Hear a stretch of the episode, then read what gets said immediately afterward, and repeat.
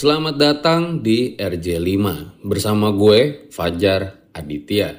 Sebelum dimulai, gue mau ngasih tahu kalau nggak cuma gue, tapi lo juga bisa bikin podcast. Mulai dari rekaman, edit suara, tambah lagu, sampai bisa lo lakuin sendiri dengan platform Anchor. Satu aplikasi buat semua kebutuhan podcast. Bisa di-download dari App Store dan Play Store atau bisa juga diakses dari website www.anchor.fm. Gak cuma buat, tapi lo juga bisa langsung share dan publish hasil rekaman lo ke Apple Podcast, Spotify, Stitcher, dan lain-lain dari Anchor ini. Yang paling penting, Anchor ini gratis.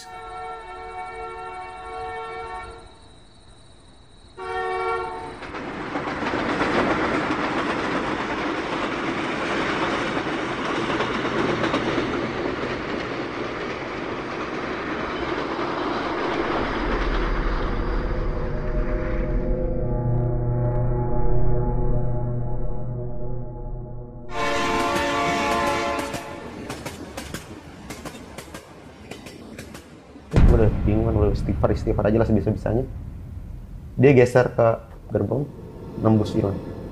Dan seketika dia hilang ketika ikut tujuh bau hilang. Karena dari awal SMA dia tahu gue nggak percaya gituan. Dan dari komunikasi sebelum sebelumnya gue kita sering ngeledekin. Jujur ya gue tuh sering ngeledekin orang-orang yang naik gunung horor. Gue ledekin. "Hmm, naik gunung kok ceritanya horor mulu sih? Perasaan gue naik gunung nggak pernah gitu kan. Dan mulutnya itu agak kebuka dan hitam semua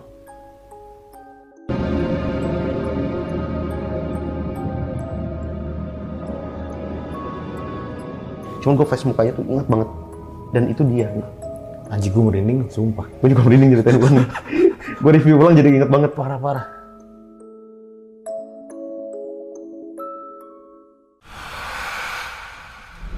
Om Mamat, obrolan malam Jumat. Kembali lagi bersama gue Fajar Ditya. Kali ini di Om Mamat season 3. Kamu yang takut atau mereka yang lari?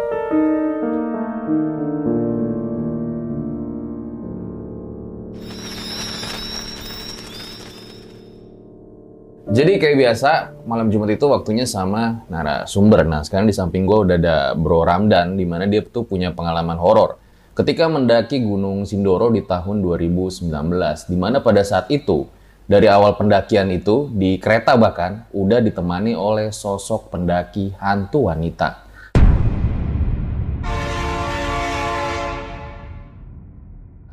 Langsung aja kita tanya-tanya nih. Selamat malam Bro Ramdan. selamat malam.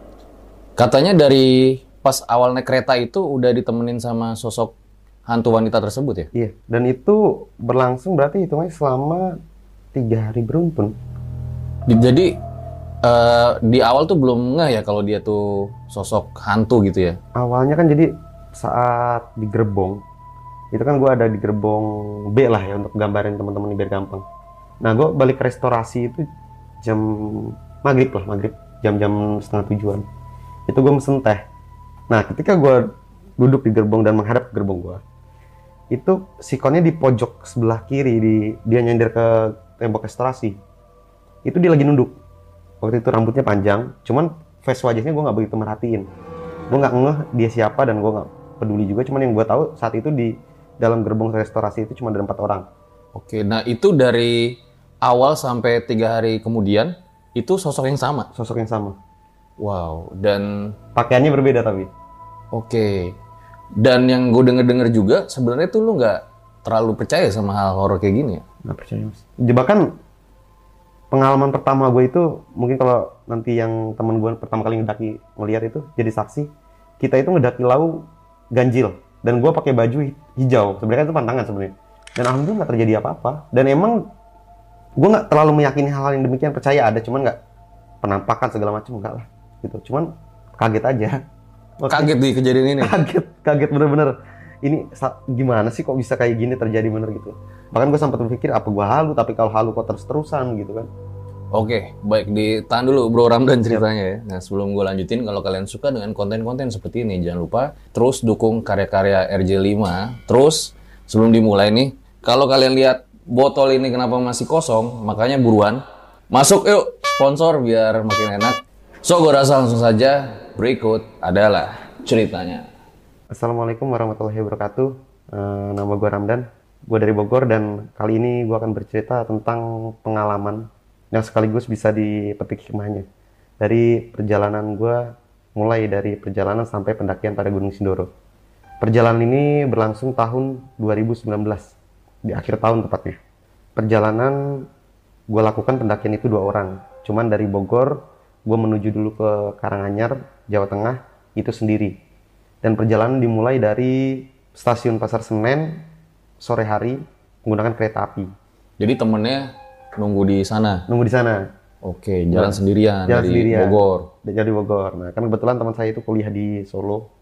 Jadi kita ketemuan di sana lah. Berarti posisi masih kuliah ya? Masih kuliah. Oke. Nah, perjalanan itu normal aja. Waktu itu berangkat dari pasar Senen itu sore lah jam 2 jam 3 sebelum asar. Waktu itu gue pakai kereta ekonomi. Jadi buat gambaran nanti supaya lebih gampang ceritanya mas ya. Kita itu hadap-hadapan kursi tiga-tiga dan gue paling pinggir dekat jalan utama kereta. Nah, Oh iya, ekonomi kan tiga ekonomi ya. tiga, ekonomi tiga. Nah, karena waktu itu backpackeran kan, irit juga hemat. Nah, ketika jam 6 itu udah lewat jam 6, ini mulai ada kejanggalan. Gua kan ngerasa lapar, haus. Kebetulan gua nggak bawa bekal, gua akhirnya menuju restorasi. Nah, restorasi itu gerbongnya ada di belakang gerbong gua. Nah, ketika gua masuk restorasi, mesen minum, dan gua duduk menghadap ke gerbong gua sambil ngecas handphone waktu itu. Nah, gue ngeliat orang duduk di tembok restorasi itu nyender menghadap ke arah gerbong belakang gue otomatis kan secara wajah kemungkinan kelihatan tapi waktu itu nggak kelihatan karena si cewek ini rambutnya panjang. Panjang gitu ngurai ke bawah. Dan gue nggak terlalu ngeh lah nggak berpikir negatif apa apa karena yang dia sampaikan di awal tadi kurang percaya sama gitu-gitu. Minum teh jam tujuan gue lapar. Gue mesen lah nasi goreng. Pas gue berdiri di restorasi itu kalau orang mau lewatin gerbong itu gerbong gue bas itu pasti bilang permisi karena nggak bisa lewat cuma satu jalur kalaupun dia ke gerbong sebelah sana itu pasti gue ngeliat. Karena di sana ada penunggunya ada penunggu gerbong. Nah selesai nasi goreng itu gue ambil gue duduk di tempat gue tadi dengan ya mau makan di situ. Kan hp gue di situ kondisi pas gue lihat si cewek itu udah nggak ada. Gue berpikir saat itu loh kok cewek ini bisa nggak ada? Ke mana dia ya? Gitu kan. Kalau dia ke gerbong gue nggak mungkin karena harusnya ngelewatin gue kalau dia ke gerbong sebelah sana itu lebih nggak mungkin karena gue harusnya ngeliat dia buka pintu Jadi mas itu gimana mas? Gue masih bingung nih. Ini kan gerbong restoran nih. nah Nah, lu nya tuh di mana posisi? jadi kan gerbong restoran gini Iya. nah di sini kan restorasinya Mm, ada barnya juga kan? Iya, nah gue gue diri di situ, makan nasi goreng. Nah si cewek itu di sebelah sininya, Lagi duduk. lagi duduk awalnya. Nah ketika gua itu diri di sini, kalau dia ngelewatin gerbong gua, harusnya kan ngelewatin gua, Ya otomatis. otomatis. Kalau dia ngelewatin gerbong sini, gua bakal ngeliat, pasti kebuka gitu loh. Nah itu nggak ada mas. Pas gue duduk, cewek itu udah nggak ada, Jadi hilang gitu aja. hilang gitu aja. Nah mulailah Parno di situ, kok bisa gitu kan? Akhirnya gua ambil itu makanan, HP segala macam, gue balik ke gerbong gua. Makanlah di situ. Baru makan sekitar 2-3 suap ya kalau gua nggak salah itu. Mulai kerasa bau, bau busuk. Kok bau busuk gitu kan? Tadi nggak ada bau apa-apa gitu loh. Bahkan ketika dia cewek pertama di gerbong restorasi pun nggak ada bau apa-apa. Akhirnya gua nanya ke si mbak sebelah gua kan udah sempet ngobrol penumpang sebelah. Pak, nyium bau busuk nggak? Nah, tiba-tiba si mbak itu bilang, iya mas saya nyium, tapi sambil nyari-nyari. Eh, apa sih gayanya gitu loh gatnya. Nggak lama, itu depan gua, baris gua, belakang, dan seluruhnya sekitar itu, itu langsung berbisik-bisik mas. Rasa bau, bau yang sama. Nah, ketika ada yang bau yang sama, gua kan posisi gini ya mas, nyari-nyari baunya apa gitu kan. Gua ngeliat gini, si cewek itu ada di ujung gerbong gua mas. Logikanya, kapan dia lewat? di situ gue udah mulai parno udah ah udah nggak bener nih pas ini gue liatin dia mukanya datar mas ngeliat ke gue datar dan gue beraniin dong gue lihat kakinya ngambang kalau mau gue detailin ya bukan ngambang telapak kaki yang ngambang posisi ya tapi kayak lu tahu di film kartun yang kaki lurus tahu-tahu degradasi hilang. Kayak gitu. Anjir merinding gue. kayak Fata Morgana gimana sih kalau aspal itu bahasanya? Kayak gitu. Tapi dia pakai baju apa tuh? waktu itu dia pakai baju dalemannya itu hitam pakai jak jaket gitu ya jaket kayak jaket jeans gitu. Loh pakai celana pendek. Jadi dia di ujung gerbong ujung pintu gerbong gitu. gua. Bukan pintu restorasi ya pintu yang sana ya ujung. pintu gerbong kan? iya. Dan itu berdiri ngadap ke gua datar Ngeliat ke lu aja. ngelihat ke gua aja.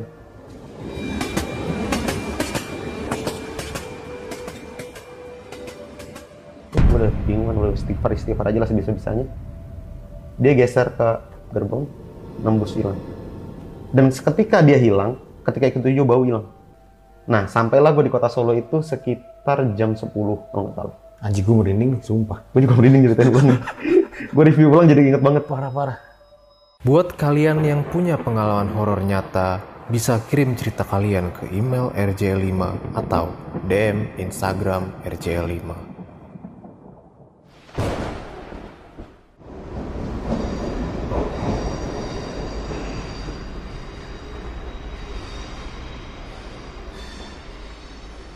nyampe lah gue di stasiun Solo itu jam 10-an.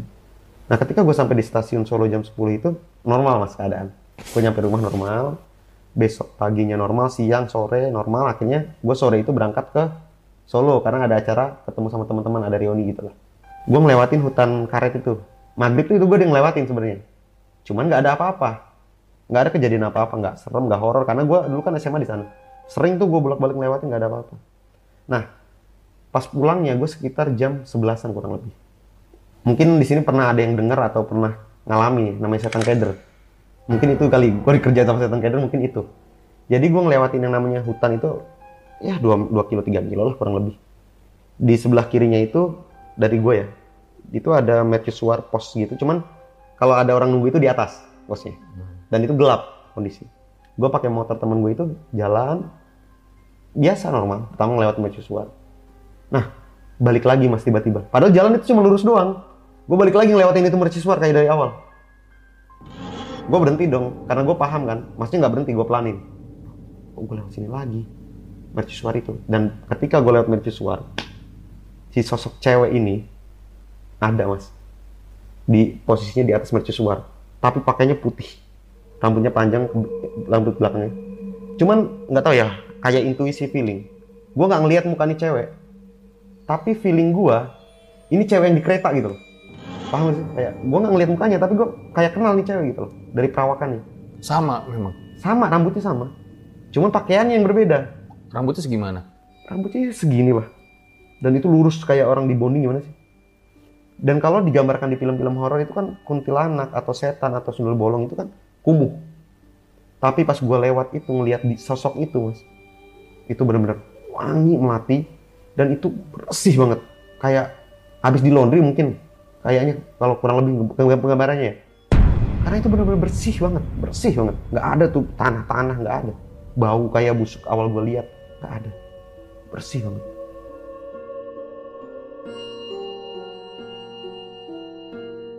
Dan itu gue udah mulai parno lagi. Anjir malam sendiri kan malam-malam pakai motor. Ah gue gas aja deh pokoknya. Gue pikir udah selesai tuh perkara. Gue balik lagi ke tempat tadi mercusuar tiga kali gue balik dan kondisi ketika gue balik lagi itu si cewek udah nggak ada. Gue berhenti di situ. Karena udah capek juga kan kondisi lelah gitu. Gue ngomong dalam bahasa Jawa sih tapi artinya bahasa Indonesia gue bilang gini kalau emang mau ganggu unjukin aja muka jangan nyasar nyasarin orang kayak gini. Jangan ngerjain orang kata gue gitu. Itu nggak ada apa-apa. Dan ketika gue gas lagi ada suara cekikikan mas.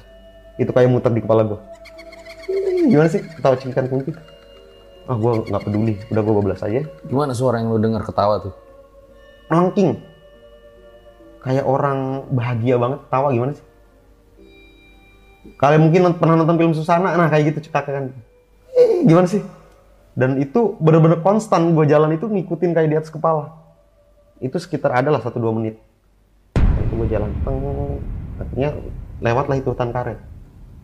Gue sampai rumah temen gue singkat cerita gue berangkat ke Sindoro habis juhur karena rencananya besoknya pagi itu sebenarnya rencananya cuman pagi itu badan gue agak kurang enak karena kejadian mungkin ya. Ini hari apa lu jalan?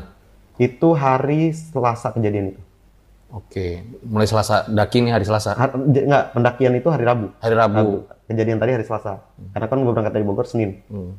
nah hari Rabu itu gue mulai perjalanan jam 1 kurang lebih. Ya jam satu habis zuhur. Perjalanan normal tuh mas. Normal sampai ke Ledung, naik jam 8 tuh akhirnya pokoknya. Singkat cerita jam 8 malam gua naik pakai ojek. Kan kalau Sindoro itu ada ojek sampai pos satu setengah, pos ojek tuh. Gua naik, sampai pos satu setengah, aman, jalan ke atas, normal, nggak ada apa-apa. Ini berarti berdua doang mendakinya Berdua sama Sony, sama Sony. sama Sony. Sony udah tahu belum lu ngalamin hal horor dari kereta? ada. Lu nggak cerita? Karena dari awal SMA dia tahu gue nggak percaya gituan dan dari komunikasi sebelum-sebelumnya gue kita sering ngeledekin.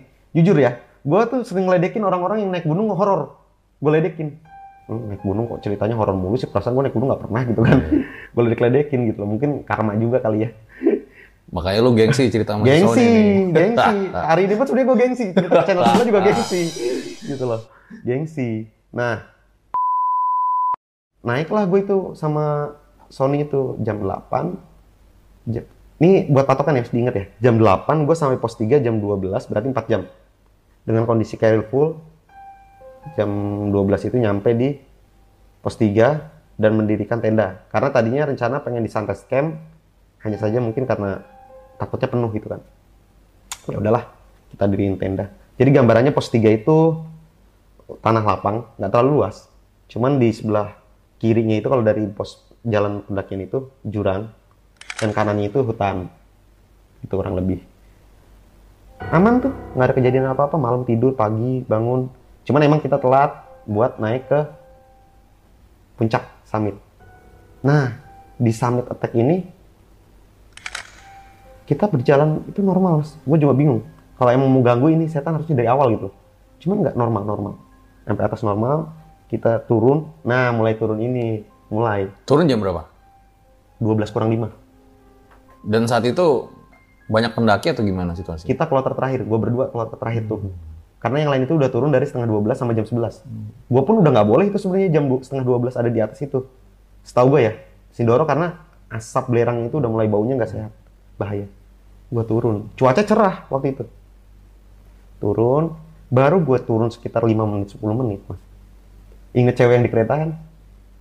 Itu ada di depan mata gue. Dan posisinya dia sama cowok. Jalan. Nggak tahu ya pokoknya kayak gandengan lah. Gandengan mungkin. Waktu itu anjing merinding gua. Dan itu gua inget masih inget banget bagaimana dia pakai kupluk gitu. Warnanya pink tua pink muda putih. Yang belang-belang nama model belang-belang. Tapi nggak pakai carrier. Itu jalan gimana sih? Biasa kayak pendaki tapi pas gue perhatiin ternyata kakinya sama kayak pas di kereta cuman sekarang ada bentuk telapak kakinya tapi ngambang jadi kondisi turunan itu batuan terjal. Gambarannya nih buat teman-teman. Batuan terjal dan sebelah kanannya hutan, sebelah kirinya itu padang sabana gitu. Tapi menanjak gini. Nah, dia itu belok arah hutan, Mas. Sedangkan jalur, setahu gue jalur itu cuma satu itu doang. Batuan itu. Mukanya lu lihat lu. Enggak, dia belakang gua. Dia dia depan gua, gua ngebelak dia, gua di belakang dia. Jadi dia ngebelakangin gua. Ke sini jalan gini. Dan Sony di belakang gua. Kok lu bisa tahu itu yang di kereta lagi? Mirip memang. Rambutnya sama jaketnya, sama celananya. Sama itu kayak yang di kereta. Persis. Cuman bedanya sekarang pakai kupluk. kayak kupluk. Kan tadi gue bilang di awal, ganti-ganti baju ini setan gitu loh.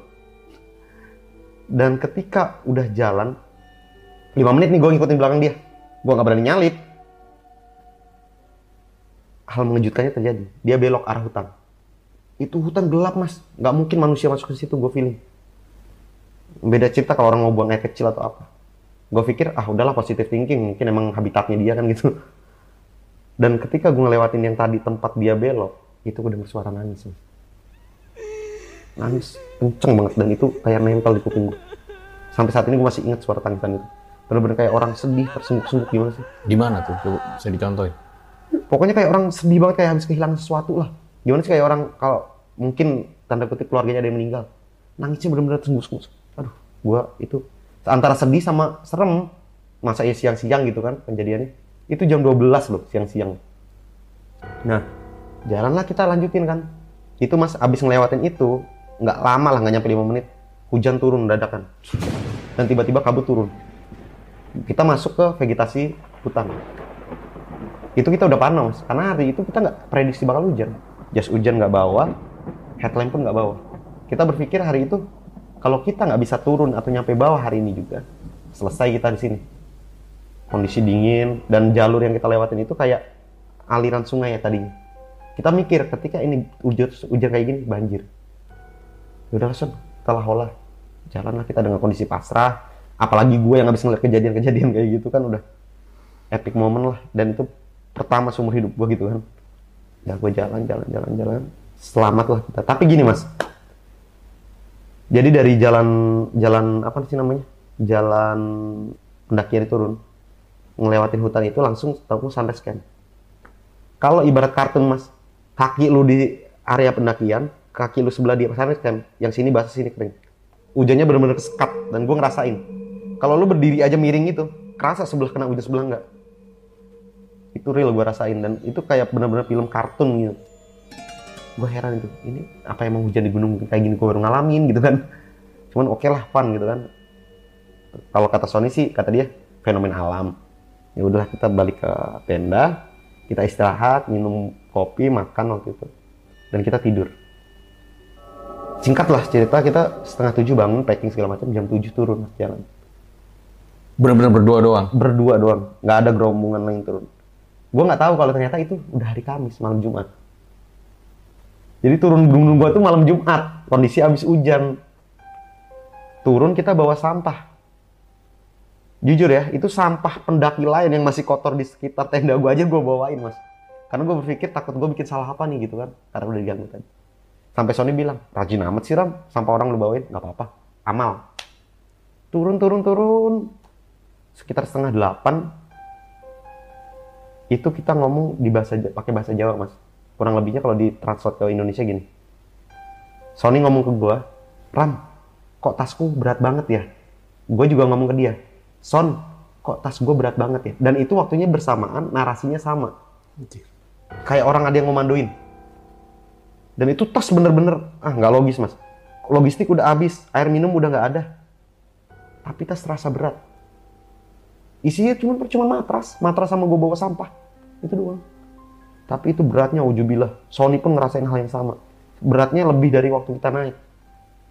Kita turun turun turun. Udah jam 8 kurang lebih. Jadi ada buat gambaran belok gini nikung ke bawah. Dan di sini ada kayu malang. Kayu tumbang lah. Itu yang dari awal naik udah ada. Sony ngajak berhenti di situ. Nah ini momen paling epic sih menurut gua Sony turun berhenti di situ dia buang air kecil. Jadi kan belok ini sininya jurang. Dia buang air kecil ke arah jurang madepnya. Mau belakangi gua. Gua duduk di kayu tadi sambil ngikat sepatu. Gimana sih posisi ngikat sepatu? Kan gini. Nah ketika sekarang tali ini udah gak ikat nih retak gitu gua nengok si cewek tadi mas. Si cewek yang gue lihat turun tadi pakai kupluk warna-warni tadi dia naik. Tapi sekarang bawa keril. Gue merinding ceritain lagi dan itu bener-bener mukanya gue tahu itu muka yang di kereta. Pucet-pucetnya. Tapi ini beda warnanya. Gue tahu bentuk face-nya bentuk jaketnya bentuk celananya. Gue inget banget mas. Dan ketika dia naik itu nggak jalan kondisi. Lu kayak tahu Spiderman ngerab ngerangkang berangkang. Gimana sih bahasanya apa sih? Rayap. ngerayap. Nah jadi itu dia naik gunung itu kalau kita kan normal jalan dia nggak pakai tangan sama tangannya dua sama kaki gitu gitu. Kayak laba-laba. Anjir itu gua udah lanjut turun kagak lanjut turun kagak gitu kan. Dan Sony nggak ngeh tuh gue yakin nggak ngeh dia. Karena dia masih cuek aja ngobrol gitu kan. Gua sorotin headlamp terus. Dan ketika gue sorot headlamp dengan seksama itu dia nge- mukanya yang tadinya nunduk gini ngeliat gue mas. Itu mukanya nggak lagi kayak di kereta. Kalau di kereta kan agak pucet gitu kan pucet. Ini gosong bentukannya tapi gue tahu itu yang di kereta. Tapi mukanya berubah jadi gosong dan matanya itu merah. Nggak merah kayak yang mungkin digambarin di film-film horor ya yang bercahaya. Kayak orang sakit mata tau nggak? Tapi ada cahaya sedikit. Dan mulutnya itu agak kebuka dan hitam semua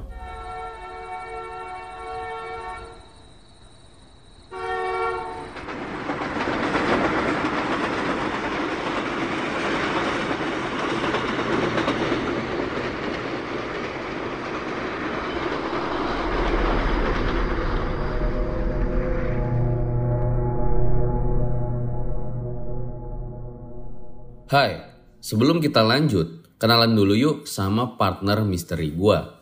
Namanya Anchor. Anchor ini adalah all-in-one podcast editing platform yang membuat gue lebih mudah untuk rekaman, edit suara, tambah lagu, dan segala hal dalam pembuatan podcast yang sedang kamu dengerin kali ini. Anchor bisa membantu kamu bikin podcast kamu sendiri. Caranya tinggal download dari App Store dan Play Store atau bisa juga diakses di www.anchor.fm. Jadi buruan download Anchor sekarang.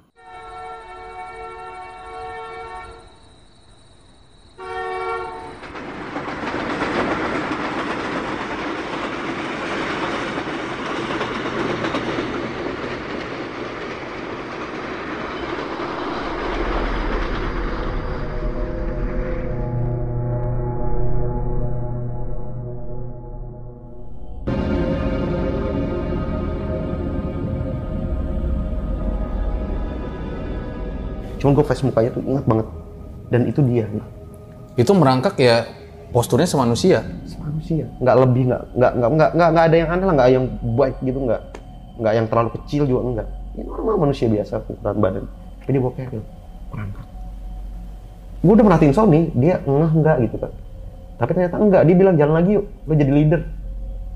Gue jalan lah, orang cuma sejalur, mau nggak mau gue harus ngelewatin tuh orang kan. Dan anehnya, headlamp kita itu tiba-tiba kelip, berkelip. Padahal tuh headlamp tuh penuh. Gue bawa headlamp dua, Sony juga headlampnya itu baru ganti baterai. Tadi pas naik malam, kan kita naik juga malam. Itu normal mas. Tapi pas ngeliat itu makhluk, jadi kedip-kedip kayak mau habis. Kita paksain lah turun lah, bodo amat lah. Lah lah, tabrak-tabrak gitu kan. Karena nggak ada pilihan lain, gue nggak mungkin ngomong ke Sony. Karena kita kondisi cuma berdua, malam. Baja, baju juga udah basah. Sekitar jarak 10 meter, 20 meter mungkin orang begitu paham. Pokoknya dekat. Ini yang bikin gue shock gitu.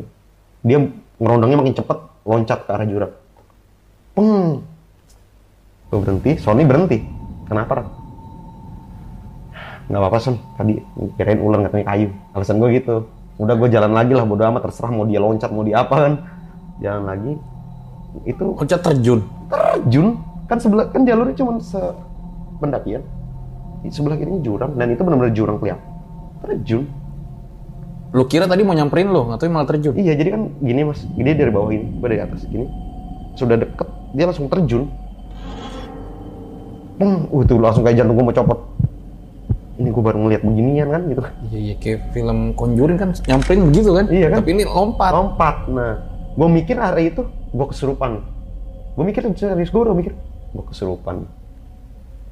Udahlah kita lanjut turun, lanjut turun. Sekitar jam 8. Sony ngajak istirahat, break gitu. Break gitu. Break itu ya biasalah di jalan landai.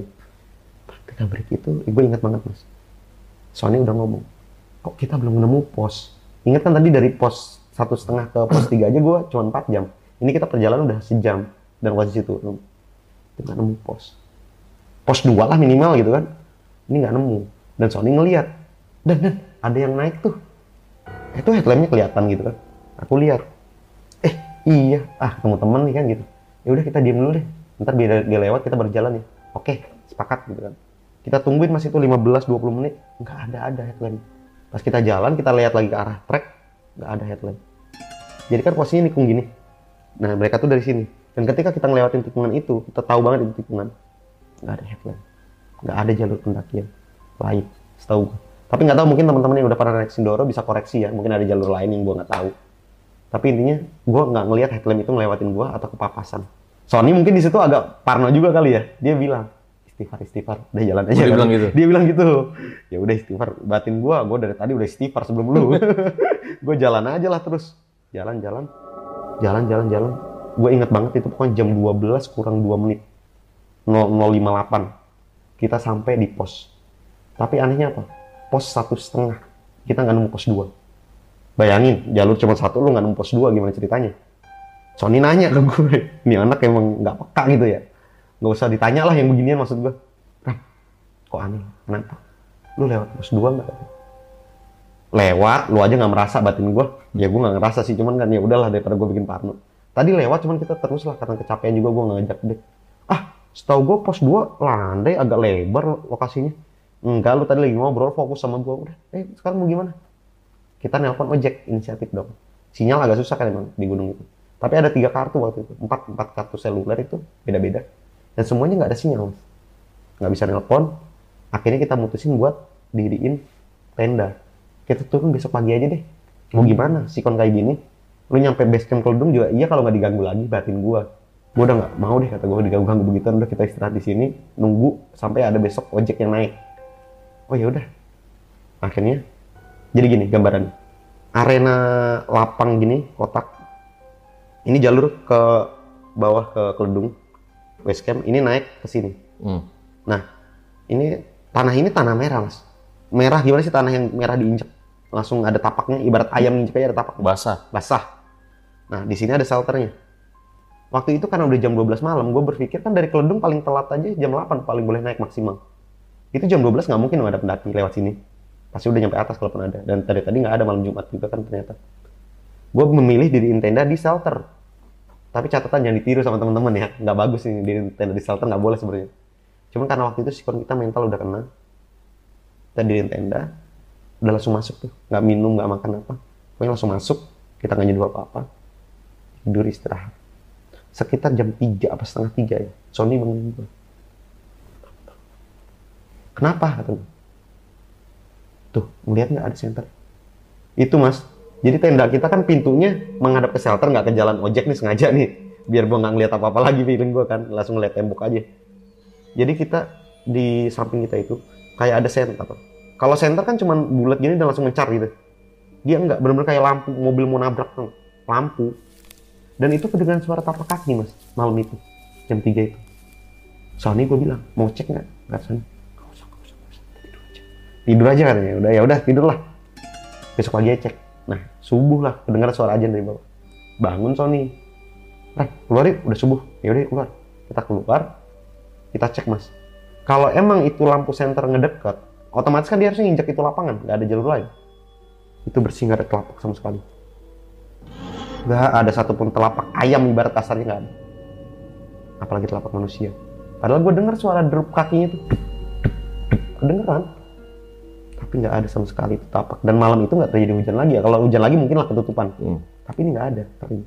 Udah mulai kering. Nggak ada tapak kaki. Udah, udah pagi kita cabut turun aja. Kita akhirnya mau kita kita udah packing packing. Alhamdulillah ada ojek naik. Nggak tahu lah ngapain lah, ya, mungkin nganter juga kan. Akhirnya kita turun sama itu ojek, selesai di Keledung. Gua hari itu berpikir sudah selesai ini ujian gitu loh. Udah selesai lah per- persoalan ini gitu kan. Tapi ternyata gangguan setelah itu semakin menjadi-jadi.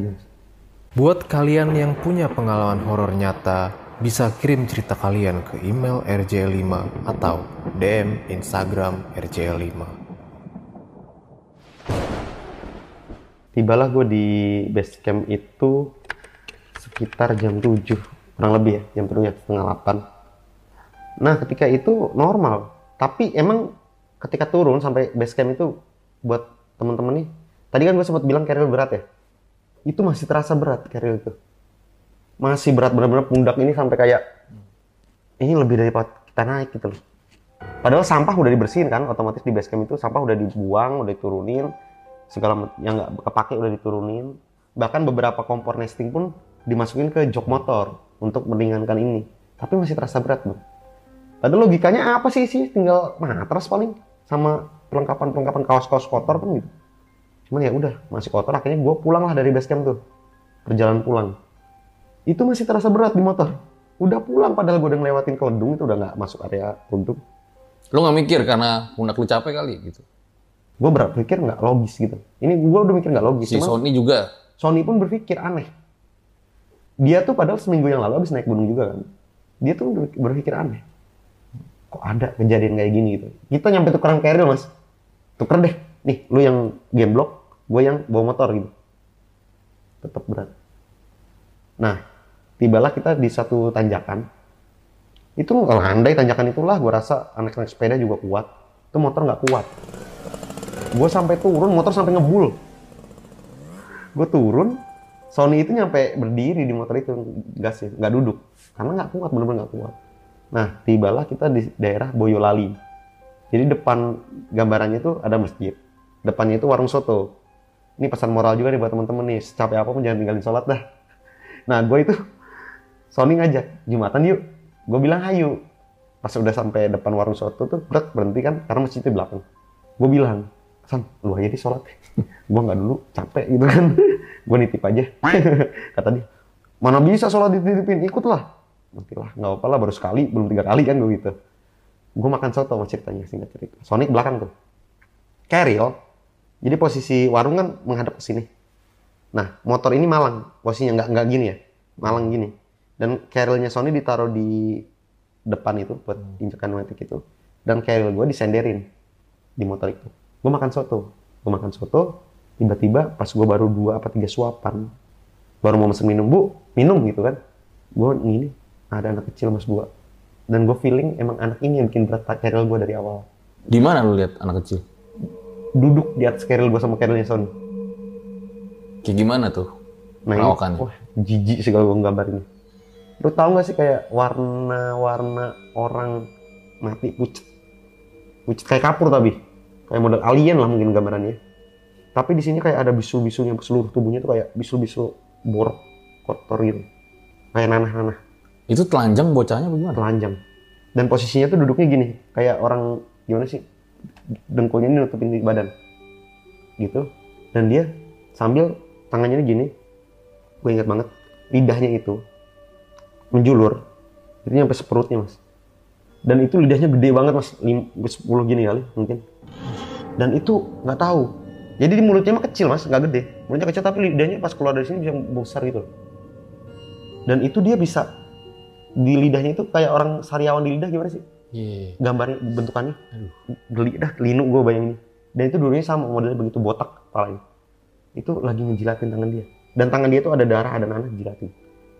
Itu gue ngeliat depan mata lagi makan gue jadi gak nafsu makan. Gue berhenti tuh makan. Gue berhenti mi- gak jadi mesen minum. Astagfirullah gue begitu kan kencang agak kencang minum si ibunya keluar. Kenapa dek? Gitu kan. Tapi bahasa Jawa ngomongnya. Cuman kita bahasa Indonesia aja deh tampang teman-teman kan enggak bu. Si ibunya ngeliat. Oh anak kecil ikut nyampe sini ngapain gitu bahasa dia bahasa Jawa. Yaudah bentar. Kamu tadi dari mana? Habis dari Sindoro bu. Sebentar ya dia ke belakang. Nggak tahu ngapain lah. Dan dia ke belakang. Itu anak kecil masih mas. Tapi dia kayak nggak menghiraukan keberadaan gue gitu. Dia kayak nggak ngeliat ke gue dia fokus aja ngejilatin tangan-tangan tubuhnya dia. Dan si ibu itu keluar bawa air di baskom kecil itu dicipratin satu dua gitu doang. Dua anak itu cipratin sekali sekali tahu nggak lo kalau di film itu kan didefinisikan setan itu nggak bisa menyentuh benda mati ya benda nyata itu tembus. Tapi ini enggak ketika mereka loncat keril gue dua-duanya jatuh. Kayak dipancal gimana sih? Dipancat buat pancatan mereka pijakan mereka. Itu keril gue jatuh. Benar-benar jatuh. Dan mereka itu lari ke tengah jalan kayak di film-film horor. Gue awal nggak percaya film-film horor ya tapi kalau teman-teman ngelihat apa yang gue alamin itu benar-benar kayak di film horor dan itu real siang-siang tengah bolong. Sama halnya kejadian kayak gue ngeliat si cewek turun sama cowok tengah bolong. Sony selesai gue nggak cerita belum cerita apa apa lanjutlah pulang. Nah pulang sampai rumah itu kan gue hari Jumat. Gue balik ke Bogor itu hari Minggu. Kalau gue nggak salah ya hari Minggu. Pokoknya selama di rumah itu padahal kosong tuh. Bude pade gue ke Solo ke kota dan gue cuma sendirian di rumah karena gue capek nggak ke mana-mana. Itu bawanya emosi mas. Nggak tahu bawanya emosi kesel males makan males mandi males gerak. Pokoknya pokoknya pokoknya tiduran aja Mas. dan gue tuh megang HP main HP ngelihat orang chat grup Instagram gitu doang aja gue emosi. Padahal tuh orang nggak bikin salah apa apa ke gue Padahal posting biasa. posting biasa. Dan gue nggak kenal tuh orang. Emosi gimana? emosi aja kayak ini orang apa sih? Nggak jelas ini. Kayak beda gitu loh. Padahal gue tuh tipikal orang yang nggak nggak ngurusin orang gitu kalau lu nggak ngurusin gue nggak ngurusin lu. Bodoh amat lah. nah, dan gue bukan orang yang pendendam gitu misalkan. Bukan orang yang gampang marah. Ya lu aneh juga liat postingan orang iya ya. orang kan Nggak dikenal buka. lagi. gue yang buka kan? Marah-marah. gue marah-marah. Jangan postingan mas. HP gue gue taruh. Bunyi suara ajan. Gue marah-marah. Apaan sih ini HP gue matiin. Dan nggak tahu mungkin pade gue peka apa seperti apa gue juga kurang paham. Sama beliau pas belum pulang dikasih air suruh minum nih. Minum baca Bismillah. Bismillah gue minum. Itu Sabtu malam. Besok minggunya kan gue siap-siap packing mau pulang. Pulangnya gue naik bis. Apa kereta ya? Gue lupa waktu itu. Pokoknya setelah minum air itu udah aman udah nggak ada horor apa pun. Dan nyampe Bogor kondisi aman. Nah gue cerita ke Sony itu dua apa tiga bulan yang lalu via telepon. Baru. baru. Dan Sony pun baru bilang sebenarnya gue dari turun juga udah ngerasa aneh dan udah merinding merinding cuman gue nggak bisa ngeliat katanya gue pun nggak bisa ngeliat Son cuman kenapa diliatin dan dia bilang emang gue tuh udah merinding dari awal malah Dari dia awal bilang, lu dateng. Enggak, dari awal naik malah dia. Gue udah merasa merinding, ada kayak janggal lah. Cuman nggak ada efeknya. Cuman kayak intuisi gimana sih, feeling aja. Nggak Dia- enak gitu. Nggak enak. Nah, gue itu cerita ke Sony itu baru 2-3 bulan yang lalu. Kenapa lu nggak cerita sama dia? Gengsi. Poinnya itu. Gengsi. Gengsi banget gue cerita-cerita kayak gini. Karena prinsip gue tuh beda alam. Kan emang dari awal gue udah menentang kan. Bahkan gue sempat bilang kan dari di awal, ini orang kalau ada yang baru naik gunung sekali dua kali udah cerita horor, mau nyari apa sih gitu kan, nyari sensasi apa seperti apa gitu. Jujur gue orang kayak gitu. Dan mungkin ini diunjukin bahwa nggak selamanya yang lo pikirkan itu bener gitu. Dan gue kan sama Sony diskusi dong, penyebab kita apa ya di telepon tuh. Nggak tahu lah gini gini gini cerita cerita cerita. Ternyata kita punya kesalahan yang sama. Dan ini jangan ditiru sama teman-teman. Gue bohong ke orang tua waktu itu. Bohong ke ibu gue, begitupun Sony. Jadi Sony itu seminggu yang lalu habis naik gunung. Minggu depannya mau naik gunung otomatis nggak boleh dong. Keril dia perlengkapan gunung kebetulan dititipin di temennya. Dia bilang ke ibunya mau ngerjain tugas. Tapi dia naik gunung. Nah gue dibilang jangan naik gunung selesain dulu uas. Gue bilang uas udah selesai. Padahal gue udah menyiapkan agenda buat uas susulan setelah gue naik gunung kan ketinggalan nih uas. Gue bilang ke nyokap gue, sudah selesai mah. Gue berangkat lah. Gue berangkat, Sony berangkat. Dengan kondisi dua-duanya bohong. Ya mungkin ini tegurannya. Makanya itu jangan pernah bohong ke orang tua dah gimana pun caranya lu izin aja. Boleh nggak boleh lu kalau tetap mau berangkat berangkat yang penting udah izin. Jangan bohong poin. Tapi ini unik nih, kita bakal bahas lagi nih, siapa sebenarnya sosok wanita yang ngikutin Bro Ramdan dari awal pendakian. Semuanya di closing.